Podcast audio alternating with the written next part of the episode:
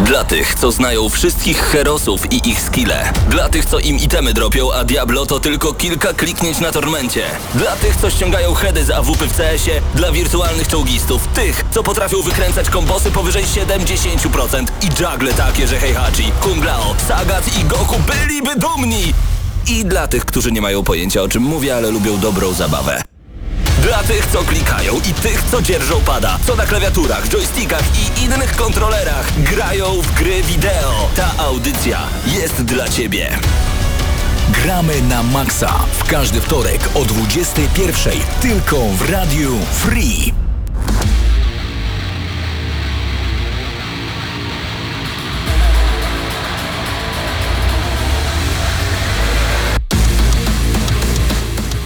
Minęła godzina 21 w Radiu Free. Przed mikrofonem Mateusz Widut, razem ze mną Krzysztof Lenarczyk. Zaczynamy, gramy na maksa audycja o grach y, wideo, komputerowych, technologii, e, tak naprawdę o, o wszystkich takich nowych mediach, które są interaktywne.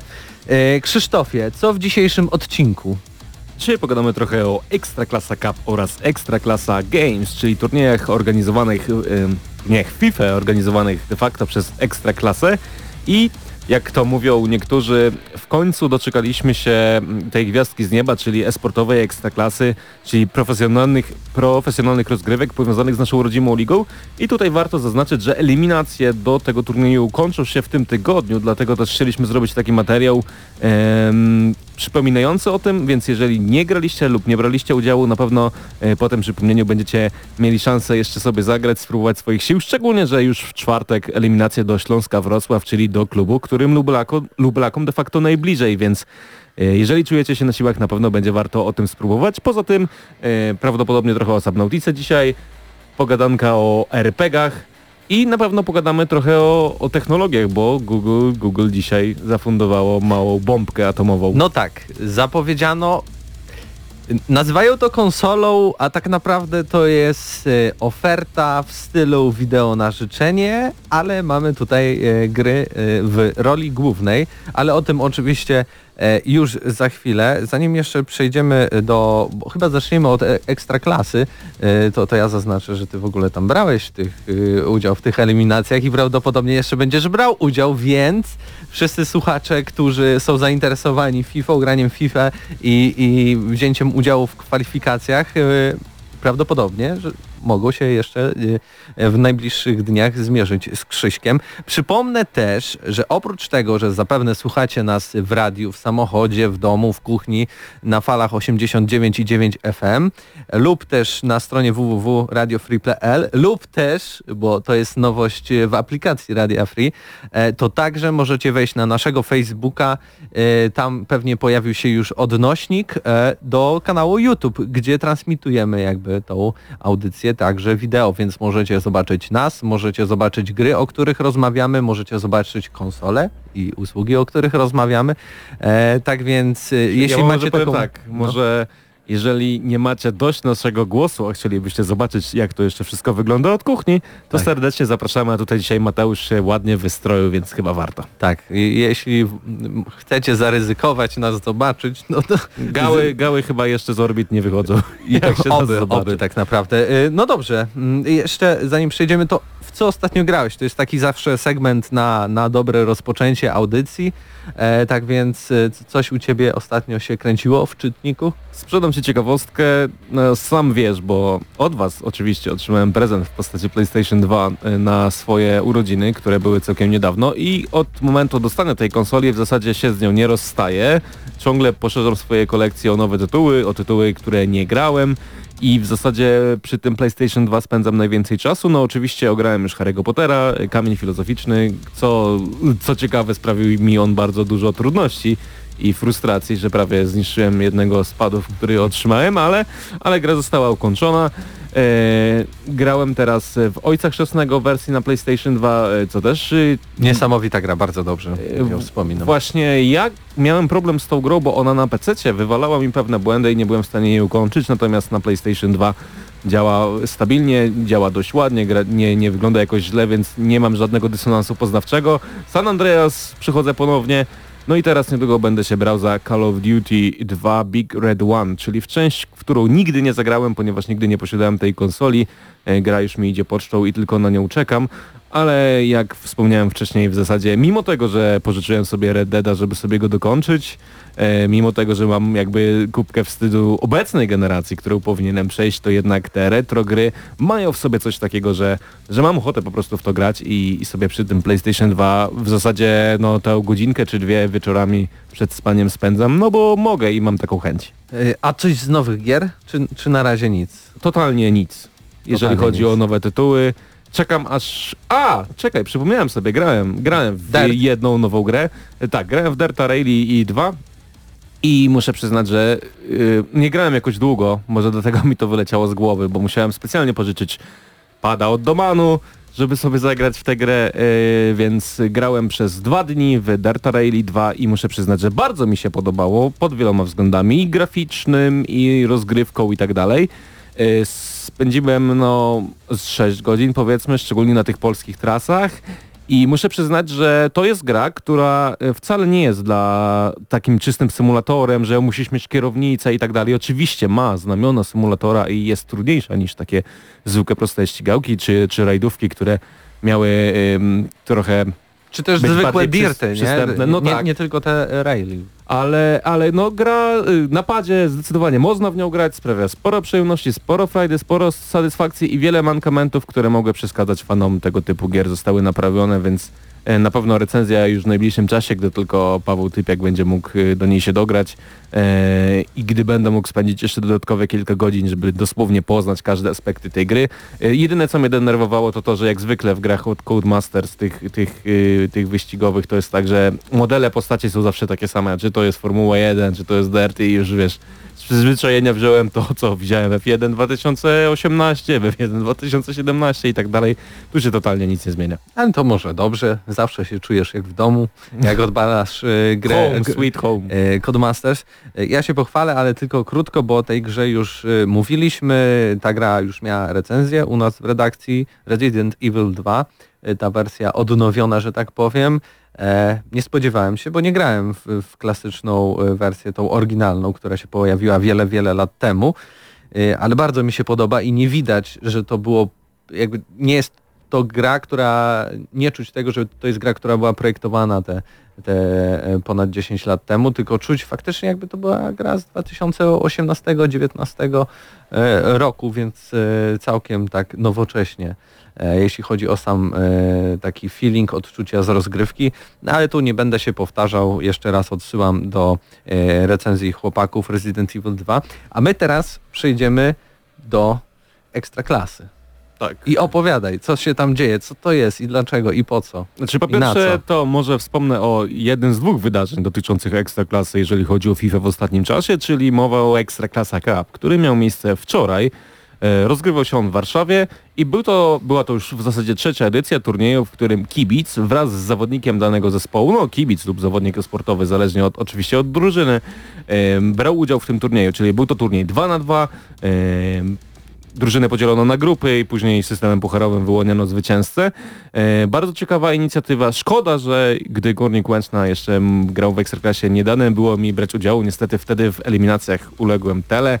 E, no dzisiaj Górnika nie ma, więc też nie bardzo e, miałem jakąś okazję się tam załapać, ale e, pierwszy raz tr- transmitowany był na żywo na różnych kanałach, w tym na przykład na portalu Sportowe Fakty więc też medialnie ten turniej jako tako stał na wysokim poziomie. E, Między innymi komentowali to youtuberzy, y, fifowi youtuberzy, jeżeli mogę tak to nazwać i oczywiście Tomasz Smokowski był też y, znany komentator sportowy, jeżeli chodzi o FIFA, czyli e, Jarek RDK Radio, no i oczywiście słynny słynny fifowy youtuber PLKD, który jakby był drugim głównym komentatorem tego wydarzenia. E, Turniej dość emocjonujący, to znaczy Zawsze mnie to ciekawi, ciekawiło mnie jak to wygląda z boku, gdy często gra osoba, która ma duże pojęcie o FIFA z osobą, która ma takie no, średnio pojęcie lub gra FIFA sporadycznie. No i tutaj też tak się okazało, że no, te akcje może nie były jakieś super płynne, czy nie wiem, jakieś ekwilibrystyczne, czy jakieś takie, które mm, moglibyśmy widzieć na turniejach najwyższej rangi, ale na pewno dla kibiców y, danych drużyn sprawiło to sporą frajdę. No i tutaj warto zaznaczyć, że cały turniej wygrała Wisła Płock, w reprezentacji mm, Tomasza Brykę-Beczaka i Adriana Szczutowskiego. W zasadzie wygrała ten turniej w cuglach i chyba można powiedzieć, że wygrał najlepszy, a jeszcze istotne jest to, że E, w finale, co ciekawe, Wisła wygrała z Miedzią Legnica, którą reprezentował też youtuber e, Kinetyk, który niedawno z, e, tę, z tęże drużyną podpisał profesjonalny kontrakt, więc dla fanów Ekstraklasy Gratka było co pooglądać, było przy czym się pośmiać, było czym się emocjonować, ale oprócz tego, co istotne, od trzech tygodni od trzech tygodni, żebym nie skłamał, może od trzech, około, około, około. trzech tygodni e, trwają turnieje eliminacyjne do tak zwanego Ekstraklasa Games. I to jest e, turniej licencjonowany przez Electronic Arts na zasadzie e, takim, że zwycięzca dostaje pewne punkty do rankingu i później będzie mógł się dostać na Mistrzostwa Świata. Turnieje e, tego typu odbywają się na całym świecie, w tym w Polsce po raz pierwszy i taka esportowa ekstraklasa wybrała sobie dość ciekawy system rozgrywek, czyli czterech graczy na każdą drużynę, dwóch bezpośrednio wyłonionych przez drużynę, czyli wybranych powiedzmy właśnie graczy esportowych, czy kibic, czy no na zasadzie takim, że klub sobie może wybrać, a dwóch pozostałych graczy zarówno na PS4 i na Xboxa by są wyłoniani z eliminacji.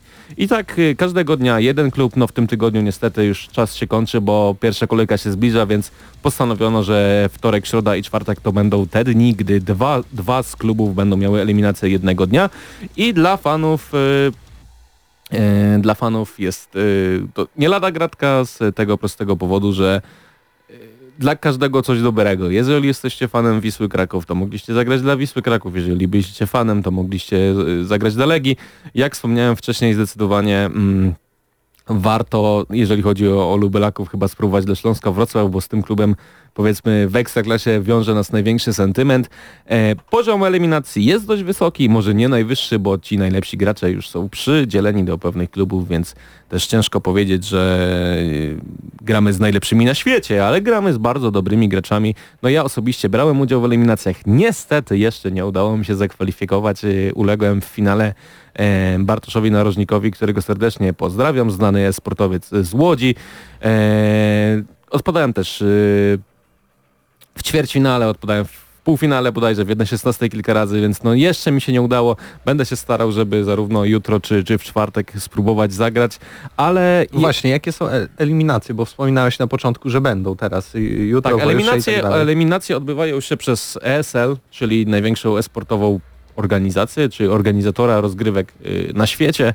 E, turniej jest adminowany przez szereg różnych adminów, więc wszystko odbywa się w miarę sprawnie. Można się z nimi bezpośrednio kontaktować na kanale Discord lub poprzez komentarze lub protesty e, na samym portalu, więc to odbywa się w sprawny, szybki sposób.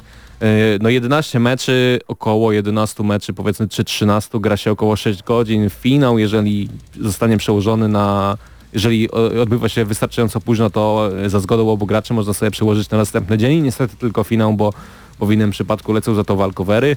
Yy, odbywa się przez mecze towarzyskie online w trybie Ultimate Team, o czym chyba nie wspomniałem, a to jest dość istotne, bo wiem, że dużo osób mówi o tym, że yy,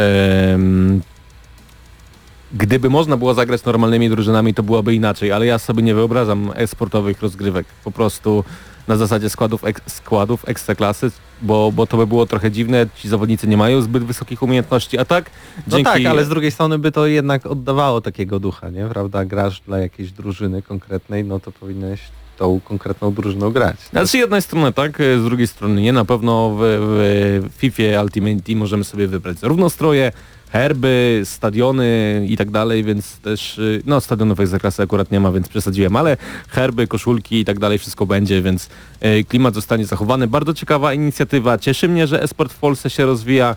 Niestety turniej nie ma jakiejś ogromnej puli pieniężnej, jeżeli chodzi o nagrody, no ale to są pierwsze koty za płoty i też nie, nie za bardzo można się, y, może, może spodziewać się za dużo, bo bo jeszcze wszystko przed nami, a to jest tak naprawdę pierwsza edycja i ciekawi mnie jak to wszystko się rozwinie. E, wydawało się, że FIFA w pewnym momencie, jak kilka lat temu, że esport w zasadzie w tę grę umiera, a teraz się okazuje, że jest totalny boom na to, pojawiają się nowi gracze, szczególnie ci małoletni, 15-16-letni to są takie gwiazdy.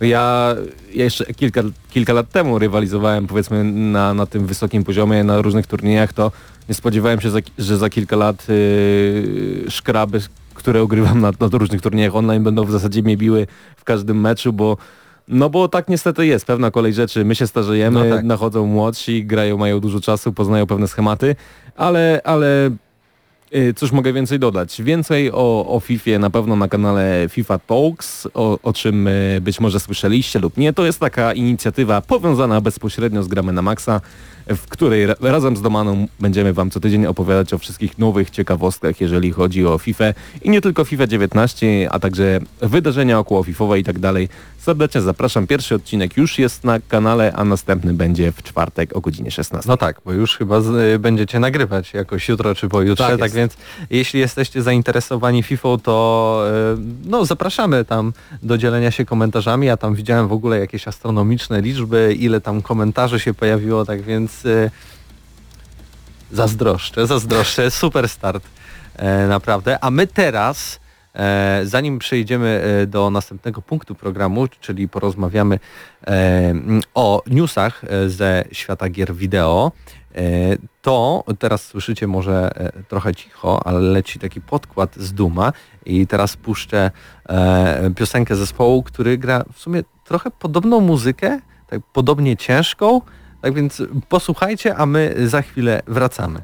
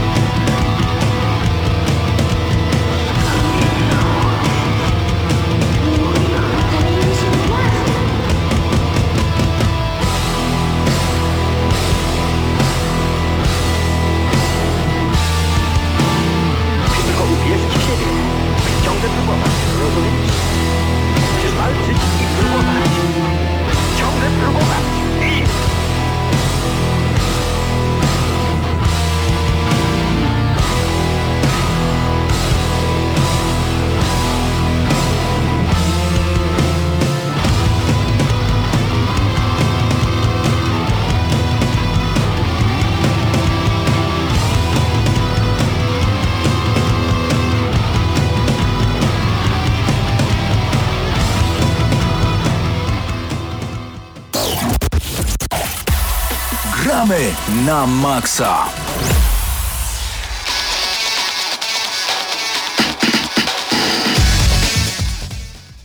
I wracamy do gramy na maksa pora na news shot trochę w innej kolejności niż zwykle, bo po pierwszym temacie, ale tak wyszło, y, autorem news shota jak zwykle jest oczywiście Bartłomiej Nowak i zaczynamy od pierwszej informacji. W ostatnich dniach głośno było o domniemanej konsoli od Google. Okazuje się, że dostaniemy usługę streamingową o nazwie Stadia.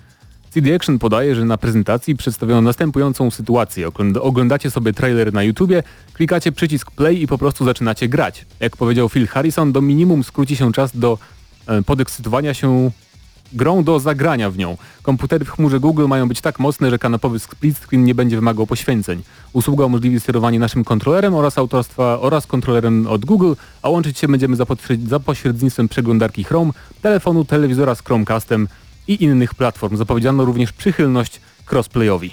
I to jest e, ta właśnie rewolucyjna, powiedzmy, usługa, platforma Google, o której mowa była już od jakiegoś czasu w plotkach i przeciekach, a teraz już wiemy czym to jest. Nazywa się Google Stadia i służy do tego, żebyśmy grali w gry wideo, nie kupując ich, tylko tak naprawdę pewnie płacąc, płacąc abonament no i ciesząc się płynną rozgrywką, piękną, nawet 4K podobno, poprzez streaming. I to nie jest zupełnie nowy pomysł, bo w sumie o tej technologii mówi się już od, nie wiem, od 2010 roku. Czy No tak, nie jest to nowy kiedy pomysł, chodzi mi o to, te- że- Tak, tak, tak, tak. Natomiast y, Google, podoba mi się, że Google po prostu przyszło i to zrobiło. No właśnie, Podczas tak, gdy inni nad tym siedzą, próbują, testują. E, no jestem ciekaw, bo naprawdę zapowiada się to interesująco, szczególnie, że e, tak jak tutaj już e, wspominaliśmy, nie trzeba, nie trzeba niczego kupować, w sensie to jest usługa i będziemy mogli z niej korzystać niezależnie od tego, czy mamy mocny komputer, czy raczej słabszy, a może nawet jeżeli chcemy sobie zagrać na przykład na telefonie, No właśnie, to jest o tyle ciekawe, ja zawsze byłem sceptycznie nastawiony do takich usług, ale im starszy jest mój komputer, tym jestem bardziej optymistycznie nastawiony i bardzo jestem ciekaw, e, jak to będzie działało w Polsce przede wszystkim, bo na razie jak wchodzimy na stronę tej usługi, to jeszcze nie jest to dostępne u nas, ale to oczywiście usługa nigdzie nie jest dostępna, więc to nie jest tylko tak. E, Zobaczymy jak to będzie w momencie premiery, kto jeszcze nie Więcej wiadomo. na ten temat y, gramy na Maxa GNM+, Plus. tak, tam troszeczkę pogdybyliśmy dłużej.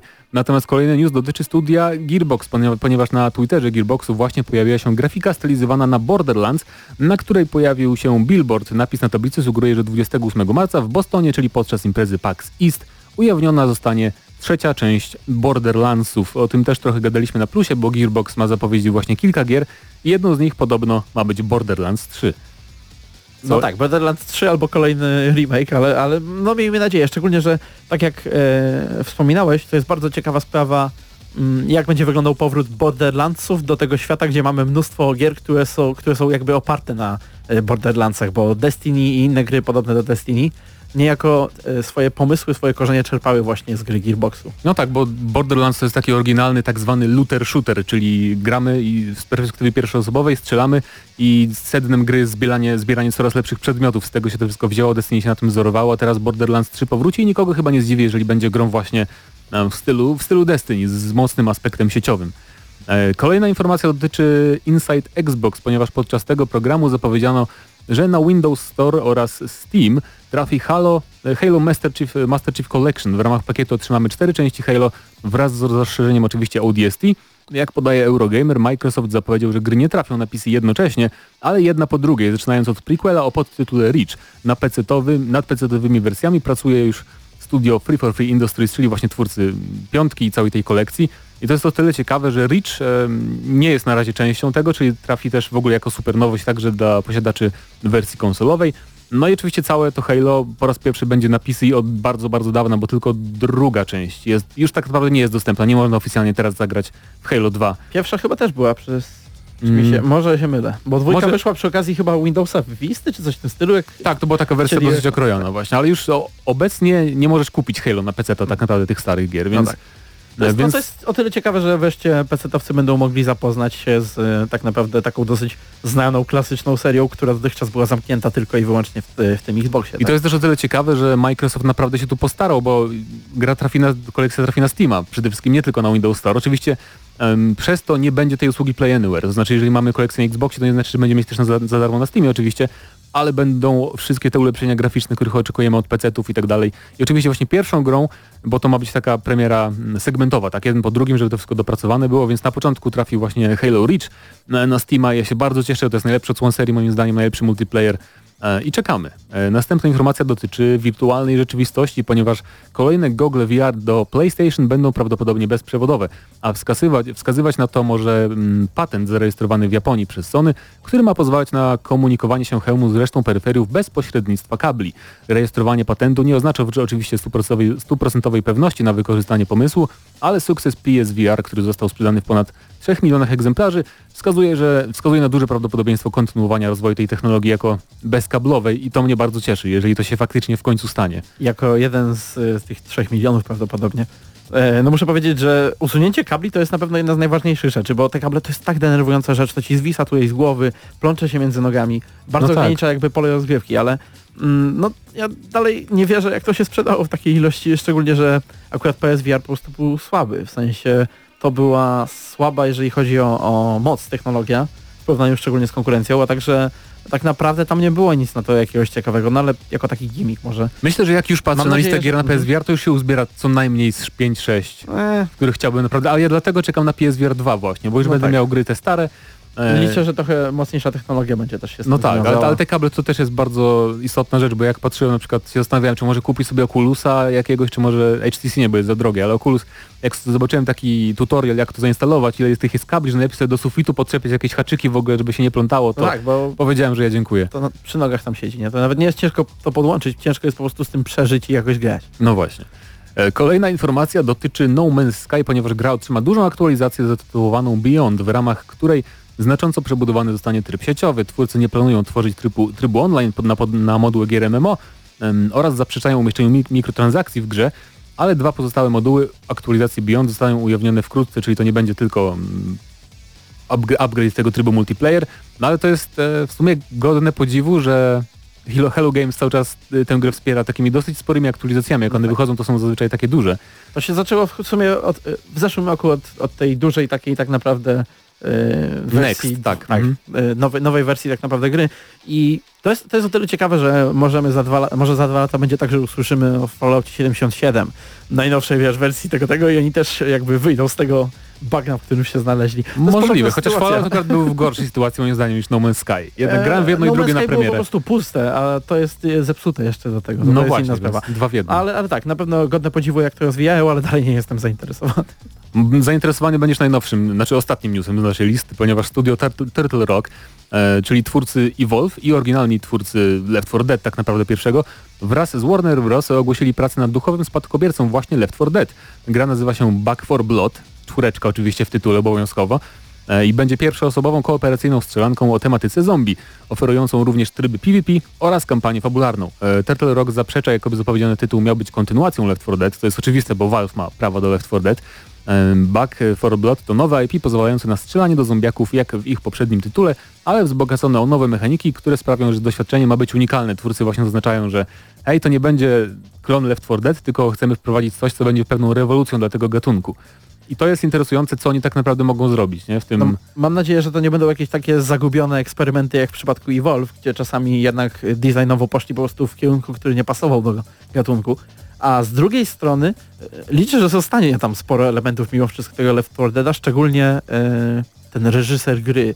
Czyli to e, jakby to, te gry były tak zaprojektowane, że Dostosowywanie tak, tego, co się dzieje, ilości, ilości przeciwników, Dokładnie. liczby bossów i tak dalej. jeżeli, jeżeli jakaś postać została z tyłu, to specjalna gra jeszcze bardziej dowalała jej, żeby, żeby czuła to, że jest, że jest za naszymi plecami i żeby zmuszała te drużyny do decyzji, czy wrócić, czy iść dalej. I to mi się bardzo podobało, to było dynamiczne i mam nadzieję, że takie rzeczy jednak mimo wszystko tam zostaną i dalej będziemy walczyć z takimi wielkimi hordami. No ja trzymam kciuki, bo y, na gry tego typu czas jest zapotrzebowanie moim zdaniem, bo Vermintide 2 z ubiegłego roku sprzedał się w prawie 2 milionach egzemplarzy. Już jak na dosyć jednak grę taką AA, nie, średnio budżetową powiedziałbym, to jest bardzo dobry wynik. W Early Access cały czas siedzi taki tytuł Deep Rock Galactic o krasnoludach y, kopalnianych, które też kooperacyjnie strzelają do potworów i to też się sprzedało w ponad milionie, już tylko na PC, więc jest zapotrzebowanie na takie gry. E, Dajcie znać, czy na czacie, czy, czy czekacie na Back 4 Blood, a my tymczasem żegnamy się na krótki momencik i wracamy z rozmową na temat gier RPG.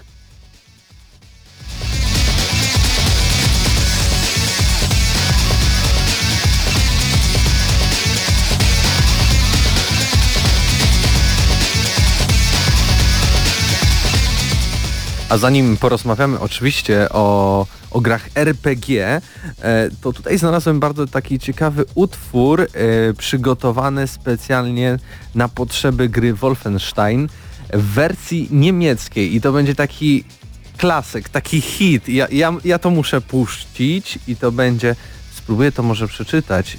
Die Color, Mont Mont, ja ja.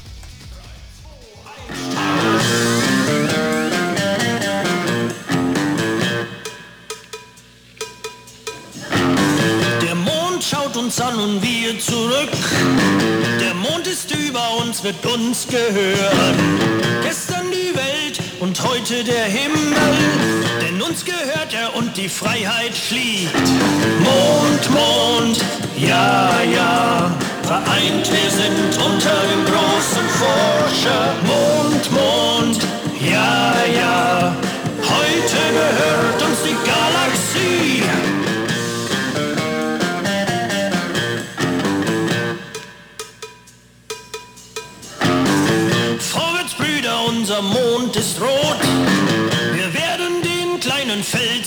Erobern. Wir sind diejenigen, die den Himmel beherrschen. Denn wir sind die Größten im Universum. Mond, Mond, ja, ja. Vereint wir sind unter den großen Forscher.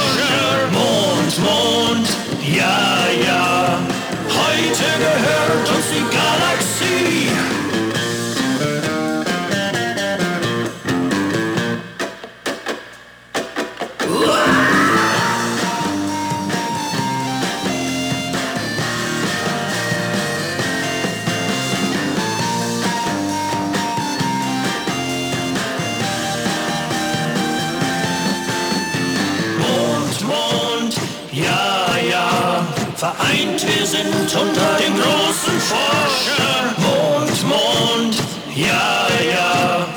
Heute gehört uns die Galaxie.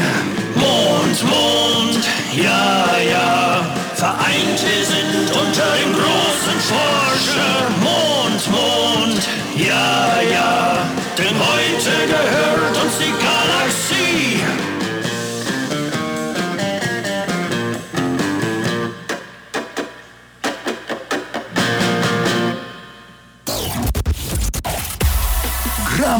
Na maksa.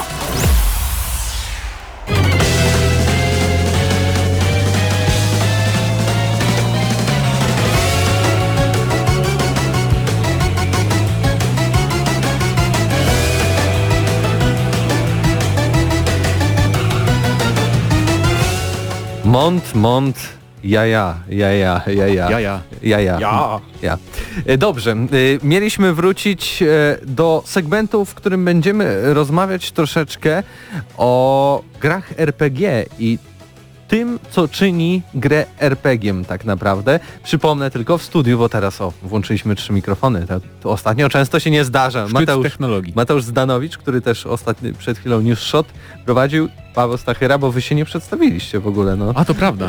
A ja Liczyliśmy, że już tam Nie. nie. drzwi jesteśmy znani, ale tylko- rzeczywiście może... No, a jak ktoś pierwszy raz włączył. Radio Free, widzisz? no dobra, więc Ale już Mateusz Szydut, Paweł. Stachera, Mateusz Zdanowicz. Tak. Porozmawiamy właśnie o grach RPG, ponieważ w dzisiejszych czasach e, pewnie wiecie, jeżeli śledzicie jakieś tam serwisy branżowe, chociażby o, od grach dowolnych zresztą Albo informacje. jakiś Game Maxa takich rzeczy. Albo właśnie, to, to często pojawia się porównywanie różnych gier, czy kwalifikowanie gier do gatunku RPG. Na przykład mówi się, niektórzy twierdzą, że seria Diablo to są RPG, niektórzy twierdzą, że Dark Soulsy to są gry RPG. Ale są też tacy, którzy mówią, że Far Cry jest RPG. Właśnie, albo Assassin's Creed najnowszy, Odyssey czy Origins, że to są RPG, a czy na pewno. I chcemy porozmawiać o tym, co definiuje RPG, a tak naprawdę naszym zdaniem, bo pewnie też będziemy mieć trochę różnice tutaj. E, ale chyba Paweł tobie przekaże głos na początek, bo ty masz taką profesjonalną bardzo listę przygotowaną. Teorie. A tam Nie, no, jest w ogóle coś po polsku, tak, tak się wtrącę inside'owo. Nie, Paweł, Paweł Wszystko jest po no, tak, Lud, y, XP. Ty y, tutaj czytasz, ty tutaj czytasz późniejszą O, e, część dobra, tej dobra. rozmowy.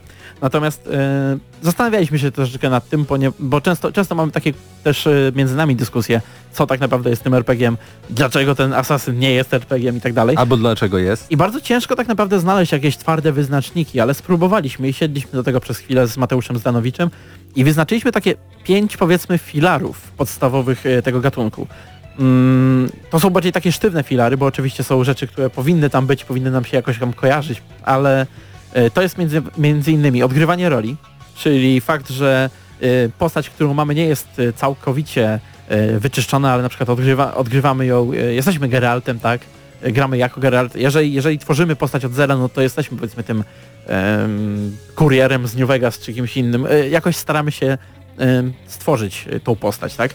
Druga rzecz, mechanika statystyki. Tutaj e, polega to na tym, że mamy statystyki, które nie tylko są, żeby być i żeby tam ładnie wyglądać, jakieś tam plus dwa do strzelania, ale też, żeby one wpływały jakoś bezpośrednio na gameplay, żebyśmy odczuwali e, zmiany w nich. E, Czy nawet na historię czasami, na czy przykład w nawet na wyborach. historię, tak. No i tutaj przechodzimy właśnie do, do wyborów, czyli mamy wybory dialogowe. I tu- tutaj, znaczy to nie, nie jest tylko w dialogach, ale chodzi o wybory, które możemy podejmować e, poza rozgrywką, poza walką. To nie jest wybór, czy idziemy z dużym mieczem, czy z małym mieczem, tylko raczej taki, który jakoś wpływa na rozwój dalszej fabuły, nie? Jakieś inne opcje dialogowe, te sprawy.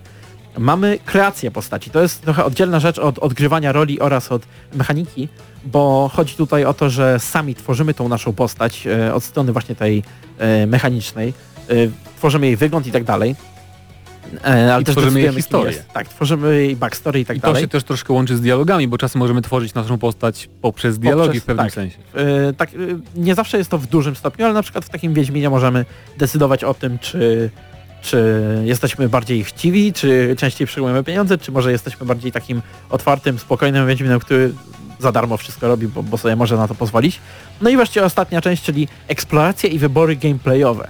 Tutaj chodzi niekoniecznie o właśnie chodzenie po otwartym świecie i tam szukanie jakichś znajdziek, tylko raczej o, o to, że mm, Może możemy... na przykład podałeś przykład Deus Exa wcześniej przed Tak. audycją, że to, jest, to nie jest gra z otwartym światem, To są zamknięte jakby Tak, przestrzenie. ale mamy tam bardzo dużo wyboru co do tego, którędy my pójdziemy do tego celu i może coś innego się wydarzy po drodze, więc to też ma wpływ na... Dokładnie. I tutaj ważna sprawa. E, Jak, jak chcemy wyznaczyć przy okazji tych pięciu filarów RPG? Wyznaczy, ustaliliśmy, że przynajmniej trzy z tych e, pięciu cech muszą się znajdować w tej grze, albo przynajmniej powiedzmy trzy punkty, bo za niektóre cechy można dostawać pół punktu, jeżeli są tak eh, pijazy drzwi. Więc generalnie wydaje mi się, że, że e, jednak posiadanie więcej niż mniej z tych rzeczy sprawia, że gra jest RPG-iem, a nie jest e, powiedzmy grą z elementami RPG. No, na przykład mamy takiego asasyna, gdzie rzeczywiście No właśnie. mamy, mamy rozwój. Przeanalizujmy asasyna w tym wypadku. No bo tak, Najlepszego. od, od, odgrywanie roli, prawda? Jest, właśnie, Moż, nie możesz się bardzo. wczuć, możesz wybrać jaką płeć, prawda? Czy kobieta, To czy to mężczyzna. E, możesz wykreować tą postać, to już Mhm. też łączy się z kolejnymi No rzeczami, dobra, ale możesz ją załóżmy, ubrać jest tak jak punkt. Załóżmy, chcesz że jest i tak dalej, i tak dalej. Choć No. odgrywanie postaci tutaj też chodzi o to, że e, jesteś postacią, jaką wybory chcesz, też, tak, a tak naprawdę tutaj zawsze jesteś tym bohaterem jednego rodzaju powiedzmy. Nie Ale możesz to też można do Wiedźmina, że zawsze jesteś No Wiedźminem, właśnie. a chodzi... W Asasynie te wybory są takie bardzo jednak powierzchowne, tak, nie? tak, tak. Ale tutaj, tak no dobra, nie. załóżmy, że ma za to punkt Assassin, bo tutaj jest też kwestia gier, które są na granicy, nie? E, Dalej, e, mechanika statystyki. Statystyki w tej grze prawie w ogóle nie wpływają na mechanikę. Masz nowe umiejętności, to jest zupełnie inna sprawa, bo to w jakimś e, DMC czy coś, no to, to są po prostu e, rzeczy, które sprawiają, że trochę przyjemniej ci się gra. Ale z drugiej strony masz e, takie rzeczy jak bronie, jak t- całą zbroję i tak dalej i to rzeczywiście faktycznie wpływa na rozgrywkę, bo mając gorszą, e, Ale ze czy- z gorszymi statystykami, nieulepszoną, bez jakichś dodatków broń, to oczywiście dużo gorzej ci się Ale jakby... czy to jest cecha RPGów tylko? Ponieważ masz tutaj, e, masz to praktycznie w każdej grze każdego gatunku. Też, ale tu masz poziomy konkretnych jakby No broni, e, masz ulepszenia Jasne, i tak dalej. To właśnie jest on strasznie na początku, że nam chodziło bardziej o takie statystyki, które wiesz, wpływają na... em, że ty inwestujesz w jakąś statystykę konkretną, żeby potem ci się lepiej grało trochę i I żeby tak to się jest, przejawiało. bo jeśli masz na przykład podpalenie bronią i tak dalej, i tak dalej, to pewny typ, To jest- ale pewnych właśnie- typów przeciwników możesz To łatwiej. właśnie powiedzieliśmy o tym, że, że To to, wyłącza, wyłączamy nie? troszeczkę, Mhm. bo to jest tak, to jest, to jest tylko i wyłącznie walka, że to ci wspomaga walkę. Ale okej, nawet gdybyśmy za to dali pół punktu, to już następnych się zaczyna rozpadać. Kreacja postaci, nie tworzymy jakby, wybieramy tylko płeć tak naprawdę, ale, ale tutaj jeżeli nawet odgrywanie roli damy, to nie tworzymy tej postaci od zera, nie, nie, nie jest to nasza postać, to jest po prostu, e, nie pamiętam Wyreżyserowana imienia. bardzo postać, tak? tak, e, jak najbardziej. Druga, kolejna rzecz, wybory dialogowe są minimalne, mamy co I prawda wpływają na y, misję i na to. Minimalnie. Y, Minimalnie, ale wpływają, więc Wpływają. gdybyśmy dali tutaj kolejne pół punktu. Mamy dwa punkty, y, a nie trzy. Więc y, no tak jakby zostaje na tym pograniczu, bo następny punkt to eksploracja i wybory gameplayowe i tutaj, To jest e, półtora punkta wręcz. nie, nie, nie, tutaj się, właśnie widzisz, tutaj nie łapie się, ponieważ e, my możemy eksplorować otwarty świat, możemy szukać znajdziek, możemy szukać sekretów, ale to jest zupełnie inna sprawa. Do wykonywania misji nie mamy zbyt dużo tak naprawdę możliwości podejścia. Nie możemy mm, Nie ma różnych ścieżek, tak? bo możemy nie ma podejść z łukiem, albo możemy podejść z mieczem, ale, rzeczy. Ale nie ma właśnie tak, że mamy zupełnie inny, wiesz, no właśnie jak w takich RPGach, że wybierasz sobie, No a podejdę, podejdę jaskiniami od tyłu zupełnie, albo podejdę, nie wiem, spadnę ze spadochronem. Albo mam build, który Częściowo bym się czegoś. zgodził, a częściowo No tak się właśnie, nie częściowo. z- zgodzę, ponieważ są takie misje, które dają ci naprawdę multum y, możliwości podejścia do tego, jak rozwiązać daną sytuację, ale są i na przykład duże takie misje, które mają jakby wyznaczoną z góry ścieżkę, więc ja... Dlatego tutaj też bym dał pół, nie? Na przykład No i mamy znowu będzie- 2,5 punktu, Dwa i tak? pół punkta i wtedy tak. to jest gra na pograniczu, to jest gra, o której możemy mówić, że naprawdę ma te elementy, że ona, Elementy już, że ona zmierza właśnie. w kierunku RPGów tak naprawdę, bo ta część, każda kolejna część Asasyna coraz więcej ma takich e, rzeczy. No ale właśnie nie zgodziłbym się, że to jest taki RPG tak naprawdę mimo Dla wszystko. odmiany możecie wziąć inną grę z otwartym światem, pseudo-otwartym, y, waszą ulubioną, e, czyli Got- Gothic, różne części Gotika, nie? Tam tego jest o wiele więcej. Wydaje mi się, jeżeli chodzi o A punktację. to ciśniemy Gotika. No. No odgrywanie roli, no to...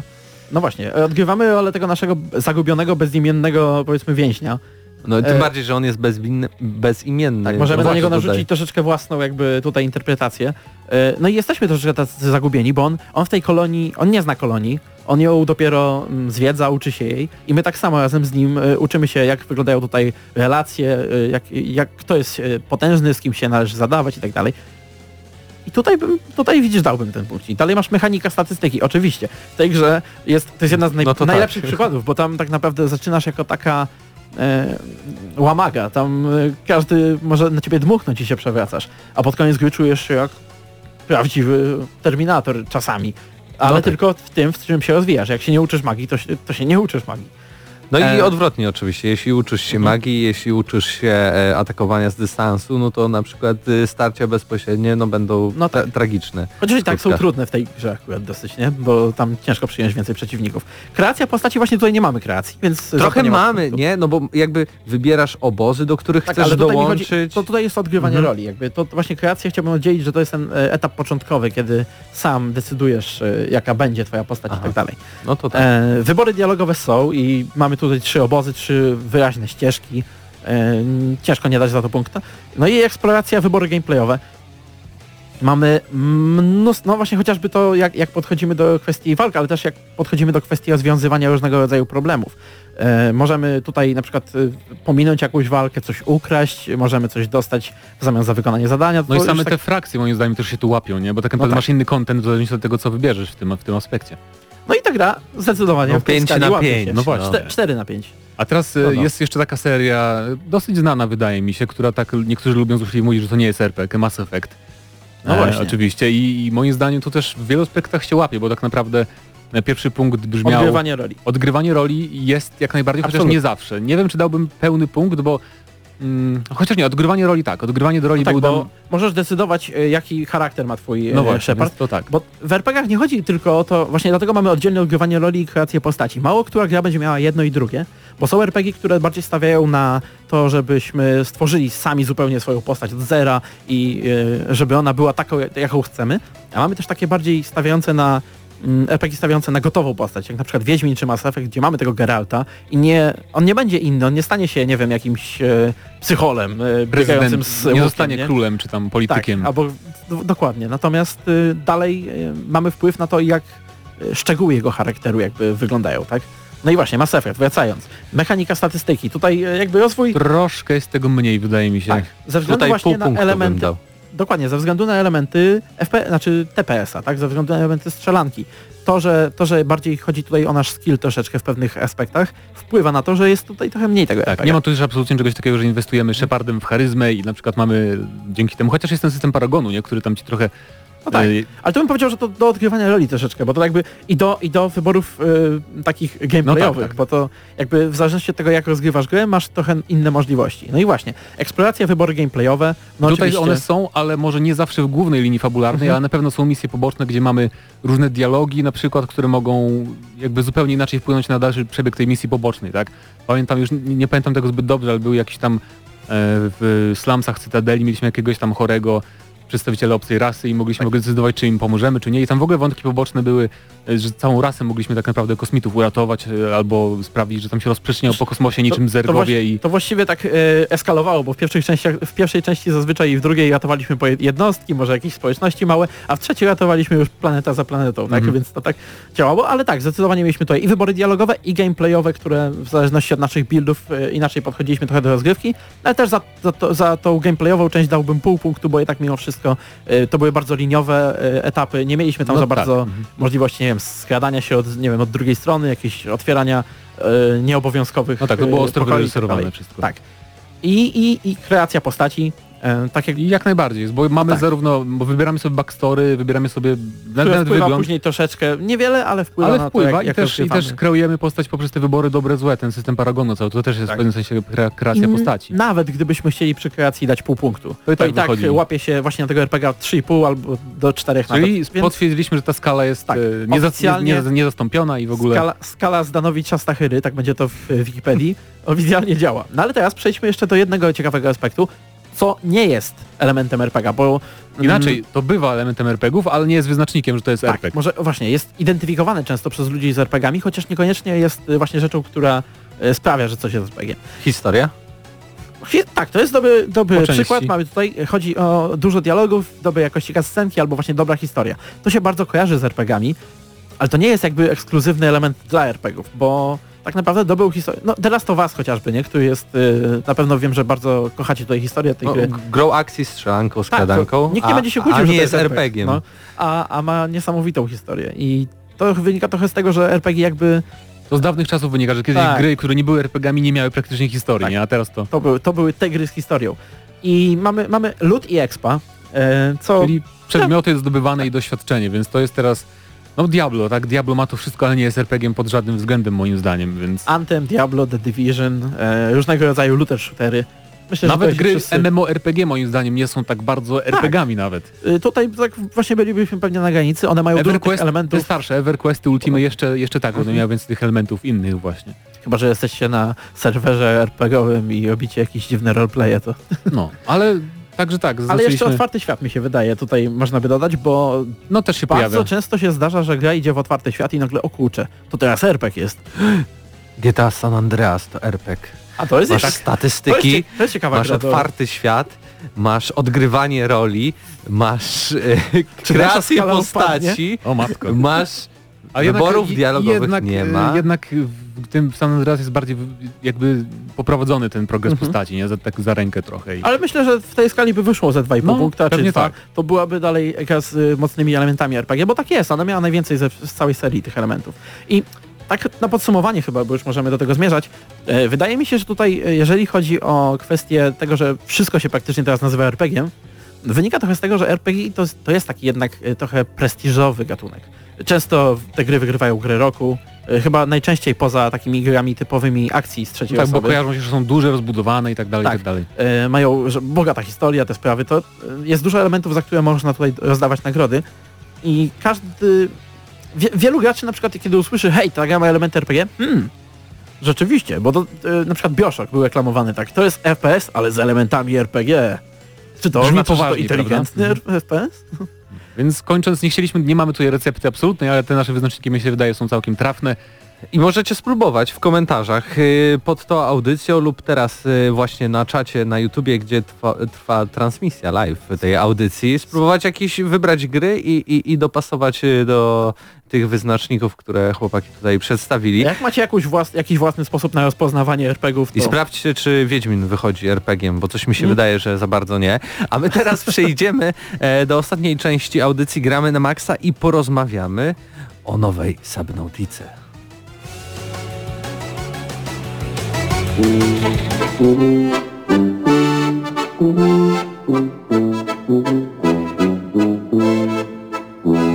Es gibt ein Haus in Neu-Berlin, man nennt es Haus Abendrot.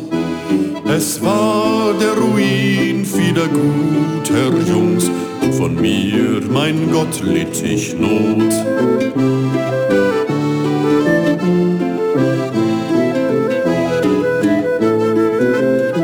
Hätte ich meinem Anführer zugehört,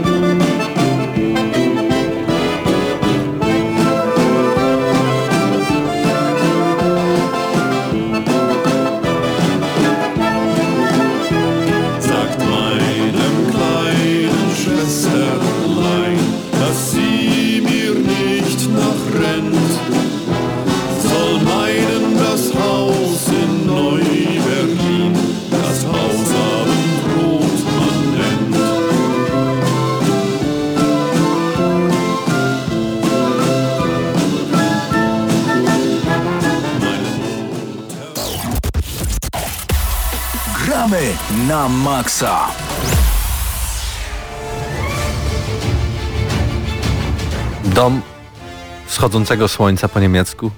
Pięknie, pięknie brzmi, ale my teraz wracamy do gramy na maksa e, i do Subnautiki Below Zero, e, gra, która ma się, e, pojawiła się we wczesnym dostępie na Tak PC, ma się pojawić na PlayStation 4 i Xbox One w przyszłości, czy. Dokładnie, tak. Znaczy podejrzewam, że zrobią dokładnie tak samo jak z podstawką, czyli znaczy pierwszą częścią podstawką, bo Subnautica Below Zero jest, yy, jest to samodzielny, niezależny dodatek do gry.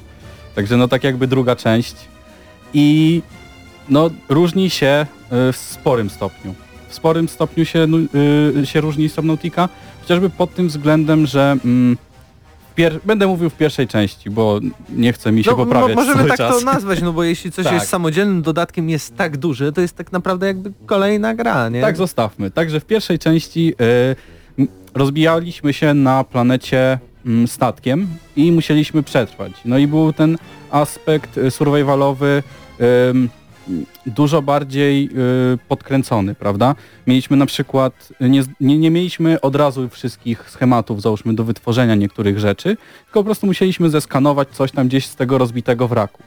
Y, tutaj w tej części, w Below Zero, mamy Mm, jesteśmy tak jakby, to dzieje się po wydarzeniach z Subnautiki, także spoilery są i jeżeli ktoś nie grał w jedynkę, to może sobie sporo zaspoilować.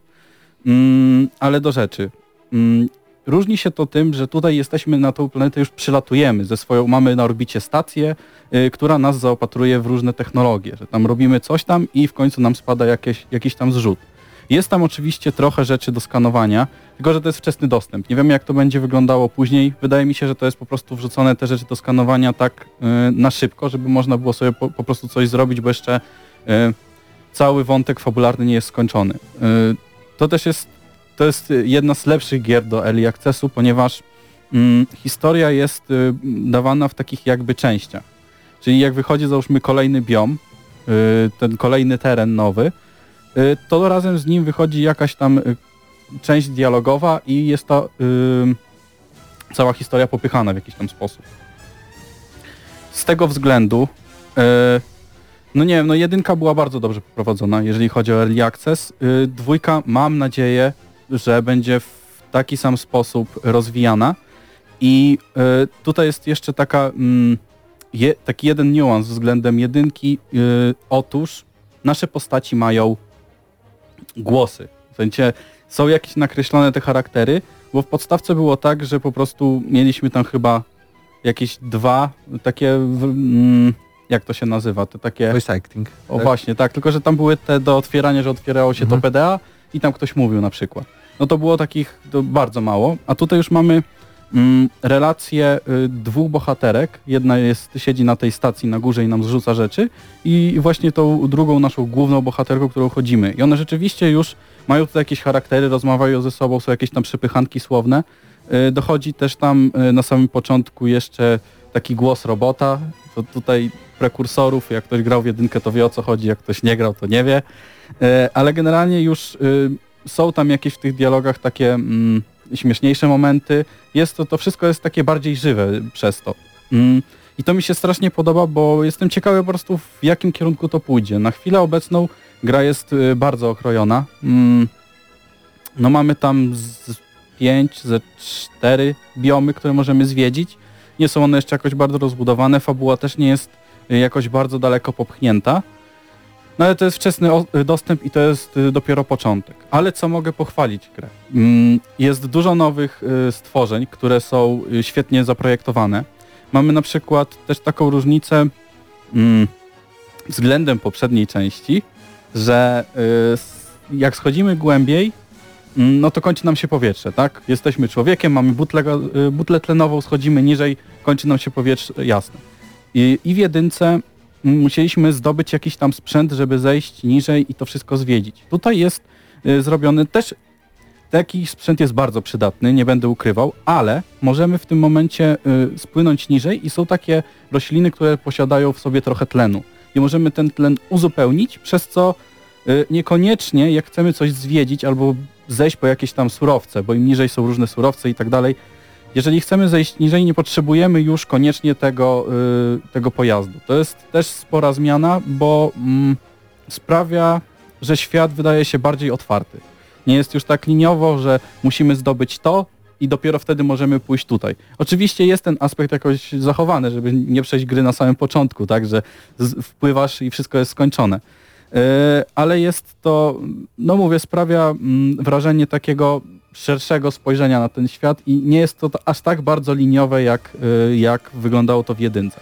E, Jako, że tutaj pojawiły się mroźne klimaty, podejrzewam, że też kolejnym aspektem powinno być chyba dbanie o temperaturę. To Taki chyba wskaźnik jest? Twórcy mówili, że to będzie. Jeszcze tego nie ma, ale to będzie i jeszcze dobrze, że wspomniałeś o tym, bo mm, pierwsza część działa się ty tylko i wyłącznie pod wodą. Były dwie wysepki, które mogliśmy zwiedzić i one nie były duże. Tutaj e, twórcy zapowiedzieli, że będzie dużo większa mm, eksploracja tego mm, całego mm, świat, e, tego wybrzeża, znaczy Nadwodnego, nadwodnego świata. świata. Właśnie nie wiem, Nazwijmy jak to, go tak. Prawda? nie wiem, jak to, nie wiem jak to nazwać, no ale generalnie po tych wszystkich płytach lodowych będziemy y, tam y, się poruszać i nawet będziemy się poruszać do tego stopnia, że twórcy y, będą nam, dadzą nam skuter do poruszania się po tych równinach, także brzmi to tak jakby mm, nie było to ograniczone tylko do jednego załóżmy biomu, który sobie przejdziemy i zostawimy go zaraz, tylko rzeczywiście będzie gdzieś trzeba y, pojechać, coś sprawdzić i, I to też jest ciekawe, jak twórcy to, to rozwiążą. No teraz jest takie mm, dużo tego pytania mm, ciekawe jak, no bo to jest wczesny, y, wczesny dostęp i sama Subnautica pierwsza bo wychodziła we wczesnym dostępie y, względem tej finałowej wersji, to zrobiła no naprawdę niesamowity przeskok i wszystkie błędy, znaczy znaczna, znaczna większość błędów y, została poprawiona i to, co mi się bardzo podoba, że twórcy słuchają się graczy, czyli y, pytają się, co im się podobało, co by można było zmienić i dopiero wtedy wprowadzają jakieś tam zmiany. Właśnie, użyję twojego stwierdzenia ciekawe jak. Właśnie, ciekawe dlaczego twórcy w ogóle jakby stwierdzili, ok, wydaliśmy Subnautikę, wydawaliśmy ją po kolei w Early Accessie, no bo zaczynaliśmy przygodę z grami, no ale zarobiliśmy już w tym momencie, prawda? Dlaczego ten samodzielny dodatek jest znowu wydawany w takiej samej formie, jakby oni znowu zaczynali pierwszy raz tworzyć grę, a nie po prostu, no mamy już hajs, zróbmy to tak, jak powinniśmy zrobić. To dlatego, że są leniwi? B. Dlatego, że łatwiej im się tak pracuje, bo słyszą głosy od innych graczy i mówią, aha, i to im się nie podoba, dobra, to zrobimy to tak, tak będzie łatwiej. Czy C? Nie mam pojęcia. Obstawiam, obstawiam punkt B y, z tego względu, że bardzo dobrze pokazali nam na Subnautice pierwszej, jak to robią i w jaki sposób mm, w jaki sposób pracują nad tym projektem. Przed samą, w ogóle przed samym wydaniem tego Early Accessu dostaliśmy bardzo duży wgląd w to, nad czym twórcy pracują, że to był po prostu y, na Trello, to jest taka platforma, gdzie tam umieszczają te wszystkie obiekty i komunikują się między sobą i wrzucili cały, mm, cały tak jakby ten projekt, ten wcześniejszy, oczywiście nie bieżący, ale ten wcześniejszy projekt, y, jak co i, jakie stworzenia będą tam dodawane. Także zaspoilowali trochę, ale mm, no widać, że oni chcą się dzielić z graczami tym, co robią i chcą wiedzieć, czy y, rzeczywiście gracze to przyjmą w taki sposób, w, pozytywny sposób. I no mówię, jestem na chwilę obecną, jestem e, optymistycznie nastawiony do tego, bo mówię, no grałem w pierwszą część i grałem tak naprawdę od wczesnego early accessu i wszystko, co ludziom się nie podobało, zostawało poprawiane. I to był bardzo duży plus. Y, Tutaj wygląda to bardzo podobnie. Znaczy to jest też jeszcze bardzo wczesny, także nie ma tam jakichś dużo zmian takich gruntownych y, na chwilę obecną, ale z kolejnymi patchami podejrzewam, że coraz bardziej będą się słuchać ludzi i robić to tak, żeby podobało się fanom. No, premiera podobno najszybciej to 2020 rok, czyli przyszły rok, więc wcale się nie dziwię, że jeszcze tak naprawdę to niewiele kontentu znajduje się w tej wersji. E, ale dziękujemy twórcom za w ogóle Zdecydowanie tak. e, Bardzo dziękujemy. gry w, w Early Accessie i też polećmy, bo nagrałeś film o Subnautice u nas na kanale YouTube. Tak, zgadza się. W... Pierwszy taki let's play prawdziwy na naszym kanale też. Dokładnie. zaznaczmy. Teraz y, przygotowuję kolejny, także w sobotę już powinien być gotowy i dostępny na kanale. Pewnie w podobnej godzinie, tak jak tak A jak to już będzie inna gra, czy nadal Subnautica? Na, nadal Subnautica będę y, robił ją aż... Aż znaczy- twórcy wydadzą grę. Tak, aż twórcy wydadzą grę, będę, Cholera. będę próbował każdy update uchwycić i powiedzieć, co w nim było. Nie, i bardzo dobrze. Czekamy, czekamy. E, I tak, y, to była kolejna audycja Gramy na Maxa, ale zanim zakończymy, e, ja tylko przypomnę, że w przyszłym tygodniu Świtkon, konwent fantastyki e, się zbliża. Też na następnej audycji będziemy mieć gościa, organizatora, który opowie co nieco o tym wydarzeniu, zaprosi oczywiście na to wydarzenie, powie jakie tam atrakcje nas wszystkich czekają. W przyszłym tygodniu też podejrzewam, że recenzja Devil May Cry może porozmawiamy już o Sekiro, bo premiera też za, za, za parę dni. E, tak więc y, no, dużo będzie się działo na przyszłej audycji. E, No, a z Wami dzisiaj byli Mateusz Zdanowicz, e, Krzysztof Lenarczyk, e, Paweł Stachyra, tutaj Patryk Ciesielka, w ogóle Tak. się nie przedstawiłeś. Tak, no Patryk E, Ciesielka. Tak. Patryk Ciesielka, był też Paweł Perła, był też Bartłomiej e, Matla, Bartosz Matla i przygotował News Shota Bartłomiej Nowak, ja się nazywam Mateusz Widut, no i do usłyszenia w audycji Gramy na Maxa za tydzień.